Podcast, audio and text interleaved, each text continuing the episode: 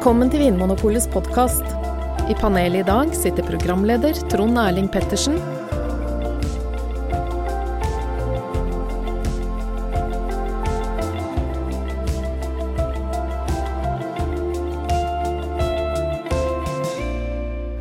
Okay, my name is Luis Gutierrez. I, I write about uh, wines from Spain, Argentina, Chile, and the Jura for Wine Advocate, the, the publication of uh, Robert Parker. Uh, I've been doing this for almost six years now.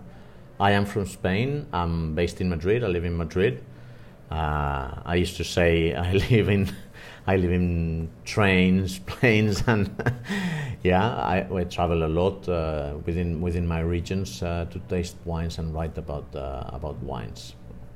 And uh, you have uh, written a book called The New Vignerons. Uh, could you please tell us a bit Yes. about that book or, or the project? Well, you know, the, my work is mostly tasting notes, uh, writing about uh, wines, and uh, and creating a hierarchy of wines with a with a scoring system that we use between 50 and 100 points. Uh, but to me, there's a lot more to wine than just that. Uh, so to me, context is very important, and context I mean the places, the people, the local culture, the gastronomy, which to me wine is integral part of gastronomy. And I wanted to write about uh, all these context for Spain. It's only about Spain. So uh, I selected 14 uh, producers in different regions.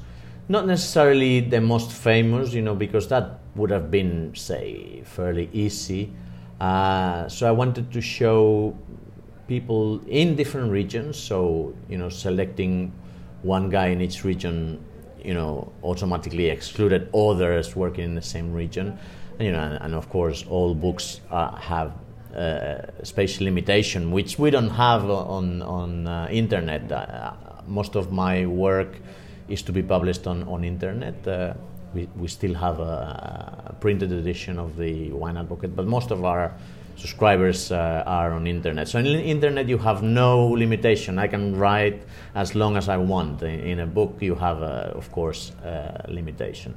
So I wanted to um, give this context about the different regions of Spain, and very important to me, show what the places look like. Uh, because ideally I would want you to go to all this region and discover what is the Ribera Sacra, what is Priorat that maybe you know people have seen photos, but you know there are places like uh, the Sierra de Gredos, the Gredos Mountains close to Madrid, which you know people have never seen. Uh, and in fact, maybe they have now heard some of the names of the producers, but they don't really know where they where they work and where the vineyards are. Yeah. So the, the visual part of the of the book was very important. And in fact, the book is not my book; it's a book of me and a friend who's a photographer. And this was also an excuse to travel together, to see all these guys, to, to take photos, and we I made them all cook Yeah. and made them cook the uh, regional dishes that normally go well with the with the wines from the region. Yeah. And we enjoyed those uh, together. My friend, the photographer, the, the producers, and uh, that was that was great. You know, uh, I can imagine. Uh, and unfortunately, since this is a sound interview, we yeah, can, we cannot can't show the any pictures, photos. uh, Yeah, but um, and one more thing, because we are um, from the monopoly in Norway, and also because in Norway way the the, um, the laws on advertising for alcohol is very strict, so we can't speak about uh, the the different producers. yeah. But maybe uh, could you describe uh, some of the regions, some of the most spectacular wine regions that you have visited, and, and describe the landscape? Yeah. there? I mean, we have we have places like the Canary Islands, which people associate to tourism and holidays. Uh, there are incredible uh, vineyards there, and they are very different. Uh, in the book, there's there's a project from Tenerife, but there there is an amazing uh, region in Lanzarote called La Geria, which is all black volcanic soils, and the vines are buried in a, in a hole, each of them, which looks like the moon. It's unbelievable. Uh, and that's uh, you know a subtropical climate where the challenge is to, to to produce fresh wines and wines with freshness and, and places like the north of Tenerife, you know, it has a much cooler place than the south. Even within a small island, yeah. you know, the difference between the north and south is, is incredible. Uh, then, if you get to uh, to the to the mainland Spain and you enter the south, we have uh, Jerez sherry. Uh, you know where it's very dry and you know the, there is no vegetation. Uh, the vineyards, the soils are white, white, like uh, if you have seen the vineyards of Champagne. It, in fact, there is a, a lot of things in common between sherry and champagne. Yeah, lots of chalk in, yes. the, in the soil. So the, the, the, let's say the, the soils are pure chalk. So it's uh, white and almost nothing. You know, it's it's a you you wouldn't believe something grows there. Mm. Uh, mm. And that's sort of the Spain we picture here in cold Norway. We picture the hot, sunny Spain with almost no rain, and it's dry and it's uh, it's yes. hard. It's hard to, to keep the, the alcohol level down and uh, to have freshness in the wine, but yeah. there are a lot of diverse wine regions in well Spain. of course yes i mean we started in a subtropical uh, canary islands but if we if we go all the way north uh, to the northwest we have galicia uh, which has more in common with uh, with Scotland than uh, than uh, with Jerez, you know. So it's it's green. the landscape is green it rains, you know, it's not as, as warm as it is in, in the south. Um, and, and the wines, of course, have a, a lot more influence from the Atlantic uh, Sea. We, we tend to say uh, Atlantic uh, wines for, you know, cooler climate and Mediterranean uh, wines for, you know, warmer climate. Of course, in Spain we have the Mediterranean and we have the Atlantic, so that makes sense. But sometimes for people, people tend to understand Mediterranean, but maybe they do not understand Atlantic wines. So people in Spain tend to talk about Atlantic wines. And this is an example, Galicia. So we have like Rias Baixas, where, where the, the main grape is Albarino, which is a very aromatic uh, white grape. But inland Galicia, there are amazing places like Ribeira Sacra, which are the banks of, uh, of three rivers. The main river is the Sil, and it's a landscape. Uh, if you know the Mosel in Germany or the Douro in Portugal or Priorat in Spain, mm-hmm. very similar to that. You know the yeah. banks of the rivers with uh, you know steep slopes with with slate soils, and you know very old vines, but you know much much cooler and and uh, wetter than, than Priorat, for example, which is very dry, yeah. super dry. Mm. And the main grape there is the Mencia? The main red grape in, uh, in this inland part of Galicia, in, in uh, Ribeira Sacra, is Mencia. Mm. But in most of these places, the, the old vineyards were planted with a blend of grape varieties, meaning they made the blend of the wine in the vineyard. So they planted mostly Mencia, but they planted also a little bit of Garnacha Tintorera. They planted a little bit of uh, even white grapes, you know, and they and they picked them all together. And uh, you know, as the different varieties have different cycles, uh, some are riper and some are greener. So some have you know more sugar and some others have more acidity.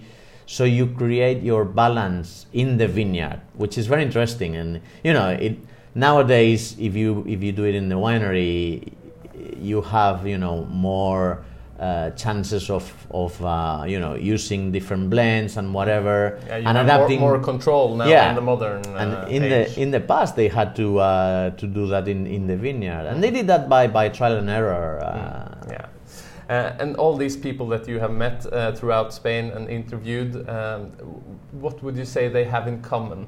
Because some are old, oh, not old, but some are young and some are older. Some are quite new to the wine uh, to winemaking. Some have done it for 20 years. Yeah, they're in different regions. Uh, what would you say is a common theme? I think that the common theme is respect for local traditions and local grape varieties and uh, and trying to understand what the places bring per se. uh, and trying to forget about the formulas. You know, I think in the past there's been a, a, a big mistake trying to apply a formula and trying to replicate, you know, successful wines. You know, whether Yeah. it's Bordeaux or Ribera del Duero. Mm. So you know, if people heard, you know, oh, Peter Sisseck is making Pingus with 200% new oak and Tempranillo, blah, blah, blah. Well, they planted Tempranillo in the Canary Islands and they tried to do that in a subtropical place with a, and it didn't work. Of course, it doesn't work, you know, the, the, because it's the place that is unique. Uh, so I think these guys have respect for their places and they are trying to find the essence of the different uh, regions, you know, which, which we didn't really have, you know, because we were a country coming out of a di- dictatorship that lasted 40 years, and then we joined, you know, modern times, and and we ignored our, our past, and we wanted something modern, and we considered that what we had was, you know, old style and was not good. And I think these these guys they are now putting in value these these uh, old grape varieties, vineyards and, and places, and for them, I think it's a great competitive competitive advantage. Uh, if you do the same as the rest of the world, you end up competing on price.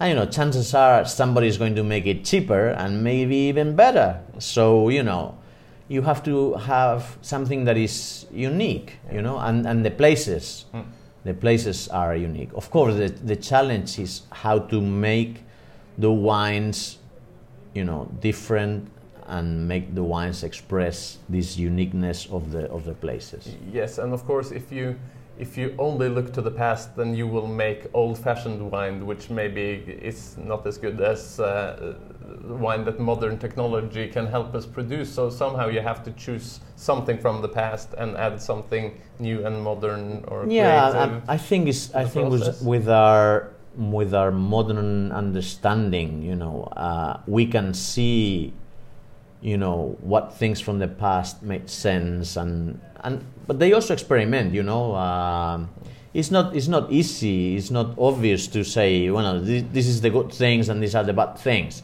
You know, you have to, you have to think, and and part of this process is you know what what they are doing and and the challenge is you only have one chance per year because you only have one harvest uh, so you know it's a it's a process that uh, it, it's slow and there's only one chance per year to uh, to make adjustments. So it's it's a it's a quest and it's a it's a it's a challenge to to get to this. And and that makes it fascinating. Uh, there is a certain movement towards the same things in different countries as well. You see it in France and Italy that uh, younger winemakers are going back to to the traditional grape varieties, uh, old vines, and uh, and uh, going back to learn how their forefathers made the, the wine. What makes these guys sort of uniquely Spanish? Is there something that separates uh, this? these um, these new uh, vignerons in Spain from Yeah. the people in France or Italy? Well, you know what you said. This is not exclusive to Spain. Uh, this is happening all over the world. Maybe in other European countries, let's say, the these traditions and these regions were more established. Uh, you know, in France, the Burgundy vineyards have been classified for a long time, and people know, you know, the characteristics of each plot. You know, Yeah. even in Bordeaux, you know, the brands were were created. There was a hierarchy of the brands, and you know, in Champagne, the villages are classified. You know, there's nothing like this in Spain. no, Uh, in Spain it's more uh, around the method of winemaking. I feel Well, it like was- in, in Rioja or it uh, was more sherry, it more was how you make more the about the process than the place you know so uh, maybe we are a little bit behind uh, trying to find this this identity but you know the movement is common and it's also common in in uh, in South America for example in Chile and Argentina people are also trying to understand you know the specificities of the places and you know and what the expression of the different places are In South America, of course, they are not as lucky as we are to have hundreds of uh, local grape varieties. In South America, they only have, you know, European grapes, and you know they would kill to have two or three grape varieties, and we have hundreds, and we have been ignoring them for a long time. Fortunately, you know these guys are, are you know adding value and people are valuing and, and are acknowledging uh, the these these great varieties. That that one time you know it, people consider them you know unable to make great wine. Uh, 20 years ago nobody talked about uh, garnacha carignano monastrell yeah, this and these grapes are sort of the new stars of this uh, new Spanish uh, wave or Spanish generation. But before these, if you had these grapes in your vineyard, you were considered unlucky. People thought they were useless. Well, yes, because if, if they thought about the industrial age of wines, you know, where where where the focus was on volume rather than quality, uh, the wines were no good, so people assumed that the grapes were unable to make great wines. Uh, the, the problem was that the, the, grapes were treated in the wrong way, you know, and, they, and then we thought the French grapes were better than ours, you know, so we, you know, we had a, an inferiority complex, and uh, and in many places we we replaced uh, Spanish grapes with uh, with Cabernet Sauvignon, Chardonnay, you know, and, and, the grapes that were famous because the French wines were famous. And in some regions like uh, Navarra, Penedès, Somontano, they almost got rid of everything and then they just planted these. And at the time, it seemed like you know that was the future.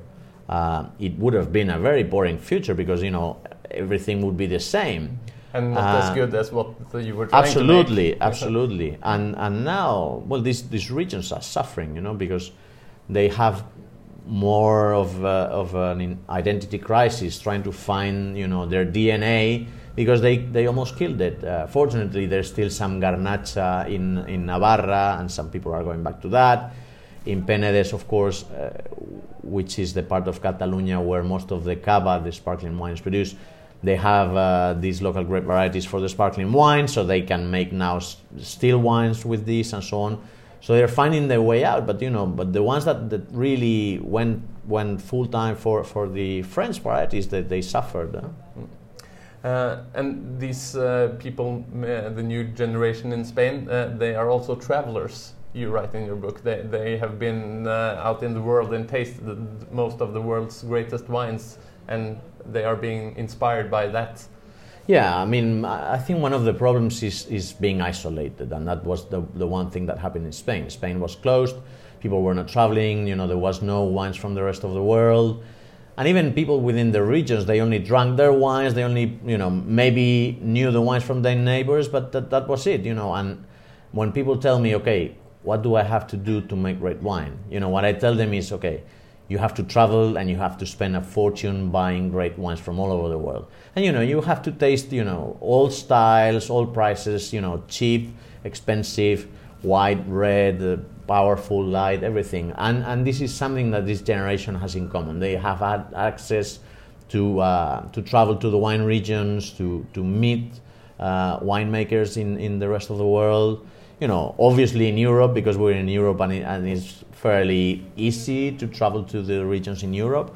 They are now starting to uh, to see what they are doing in, in uh, Chile and Argentina, which is far away. And even if we have you know the common language and the common culture, you know they don't really sell their wines in, in Spain because Spain is a large uh, wine producing country. There's not a lot of wine from other countries, and if there's something, you know, France is you know next to us, Portugal, and so on.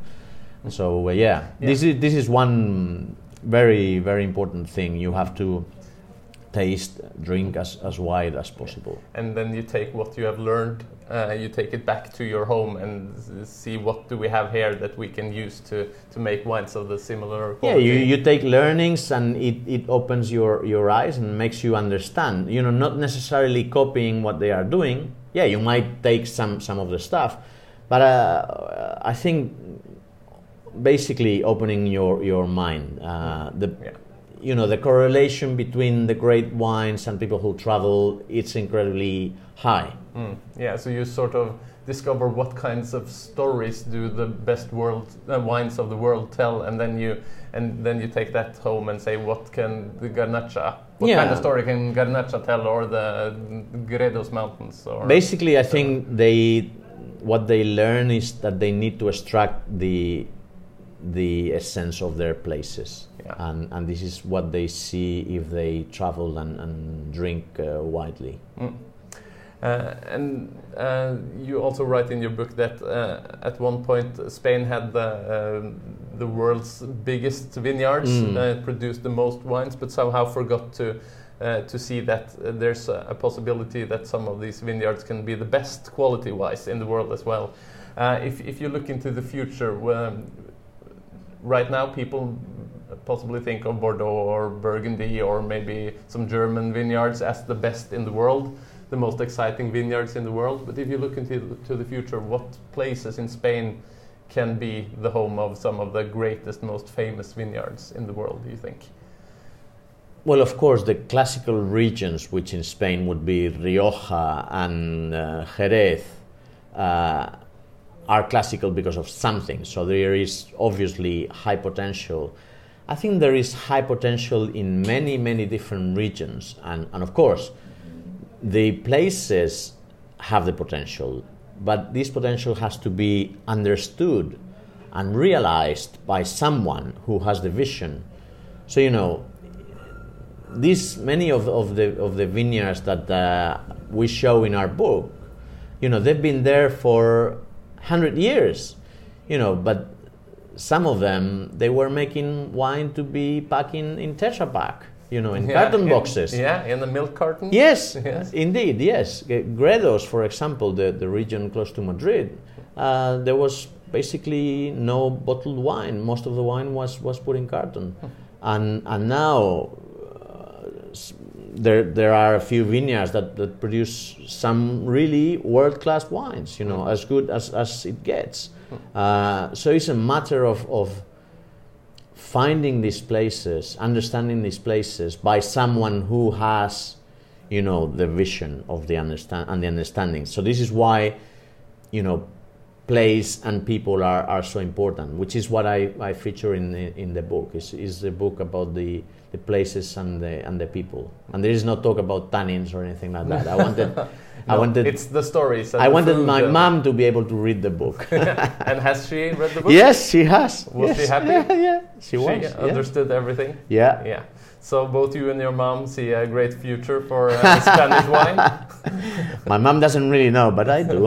yes. Yes. yes, I think it's you know it's it's really it's an exciting time for for Spanish wine. Uh, some 15 years ago, you know, people wanted the, to chase the formula, and they thought you know, 100% Tempranillo with 100% New Oak was the you know and or more you know. If he does this I will do even more you know uh, and now it has changed uh, because yeah if everybody does the same if, if they all try to do the same wine that becomes really boring. That was a time when you know most of the wines were very very similar. And nowadays what we have is great diversity and that is a lot more exciting you know because depending on how you feel and what you're eating and what you know what time of the year the weather you want to drink different styles. And sometimes you want a fresh white and sometimes you want an old powerful red.